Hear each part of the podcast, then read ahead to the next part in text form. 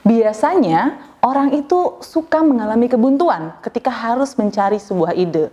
Tapi ada loh orang-orang yang banyak banget idenya tapi nggak tahu selanjutnya harus melakukan apa ya? Apakah kamu pernah mengalaminya atau sedang mengalaminya? Mau tahu solusinya? Yuk tonton video ini sampai habis.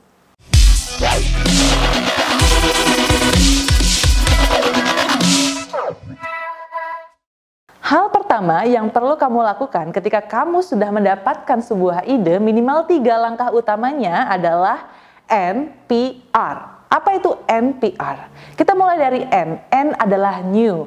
Pastikan ide kamu adalah ide yang baru. Lalu yang kedua adalah P atau problem. Dan juga perlu kamu pastikan bahwa ini adalah real problem yang harus segera diselesaikan. Dan yang terakhir, yang ketiga adalah R atau R itu research. Kamu harus melakukan research yang lebih dalam untuk memastikan ide kamu oke. Okay. Yuk kita bahas satu persatu. Mulai dari yang pertama itu adalah new. Kamu perlu pastikan bahwa ide kamu ini benar-benar hasil dari buah pemikiran, benar-benar ide yang original dan juga memang sesuatu yang baru. You have to create something new. Tapi ternyata ketika mencari tahu dengan hal-hal yang lainnya, kamu menemukan bahwa, wah kok ide saya sama ya dengan orang sebelumnya. Jangan takut, jangan bingung. Langkah yang perlu kamu lakukan adalah melakukan komparasi komparasi ide kamu dengan ide-ide yang sudah ada sebelumnya. Cari tahu apa sih ide-ide tersebut sebelumnya itu sebenarnya idenya apa. Apa perbedaan antara ide kamu dengan ide yang ada di sebelumnya. Dan kenapa harus dilakukan seperti itu? Karena biasanya, wah ternyata nama idenya aja nih yang sama, tapi kontennya beda.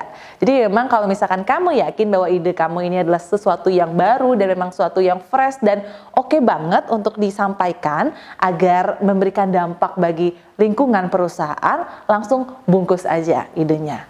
Lalu yang kedua adalah P, problem. Pastikan inilah real problem yang sedang terjadi di lingkungan kantor, lingkungan pekerjaan, lingkungan perusahaan kamu. Gimana sih caranya? Kalau misalkan kamu bisa memastikan dan juga mengcapture bahwa ini memang adalah sebuah masalah yang sedang terjadi, itu bagus. Tapi bagaimana jika kamu tidak yakin itu adalah sebuah masalah? Apa hal yang perlu kamu lakukan? Yang perlu kamu lakukan adalah wawancara lebih tidak formalnya adalah ngobrol-ngobrol aja dengan orang-orang terkait untuk memastikan bahwa ini adalah sebuah masalah. Bagaimana caranya? Supaya kamu tahu itu adalah masalah atau tidak. Lihatlah respon dari jawabannya.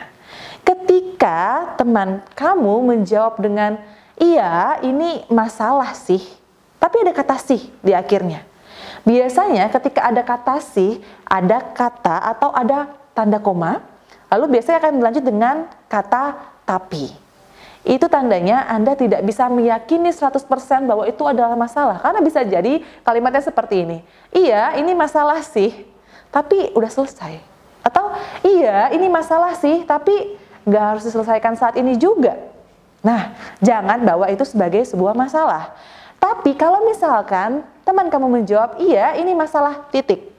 Dan dia jelas, lantang, tidak ada buntutnya lagi kata-katanya maka bisa diyakini bahwa itu adalah sebuah masalah. Bungkus. Lalu yang berikutnya, yang ketiga adalah R atau research. Lakukan research yang lebih dalam. Research yang seperti apa? Research dari A sampai dengan Z. Mulai dari wah ide ini kenapa ya pada akhirnya harus saya bawa? Apa ya alasan terkuatnya? Kenapa ya? Data-data faktanya apa aja ya? Lalu kontennya nanti ketika saya sampaikan apa ya? Lalu nanti how-nya bagaimana nih akan kemudian saya bawa ini ke perusahaan idenya akan seperti apa? Lalu sampai difikirkan ini gimana ya supaya jalannya lancar, idenya akan mudah diterima, saya harus sampaikan ini ke siapa dulu? Ke bapak atau ibu siapa dulu? Sampai dengan akhirnya kamu bisa menghasilkan pitch deck. Pitch deck ini nantinya akan kamu presentasikan ke atasan atau di setiap kesempatan. Nah, itu tadi tiga hal yang perlu kamu lakukan ketika kamu memiliki sebuah ide. Mulai hari ini, ketika memiliki sebuah ide, jangan berhenti di situ. Kamu perlu lakukan tiga step ini agar ide kamu jadi bisa berdampak untuk orang banyak. Jangan lupa praktek, dan semoga bermanfaat.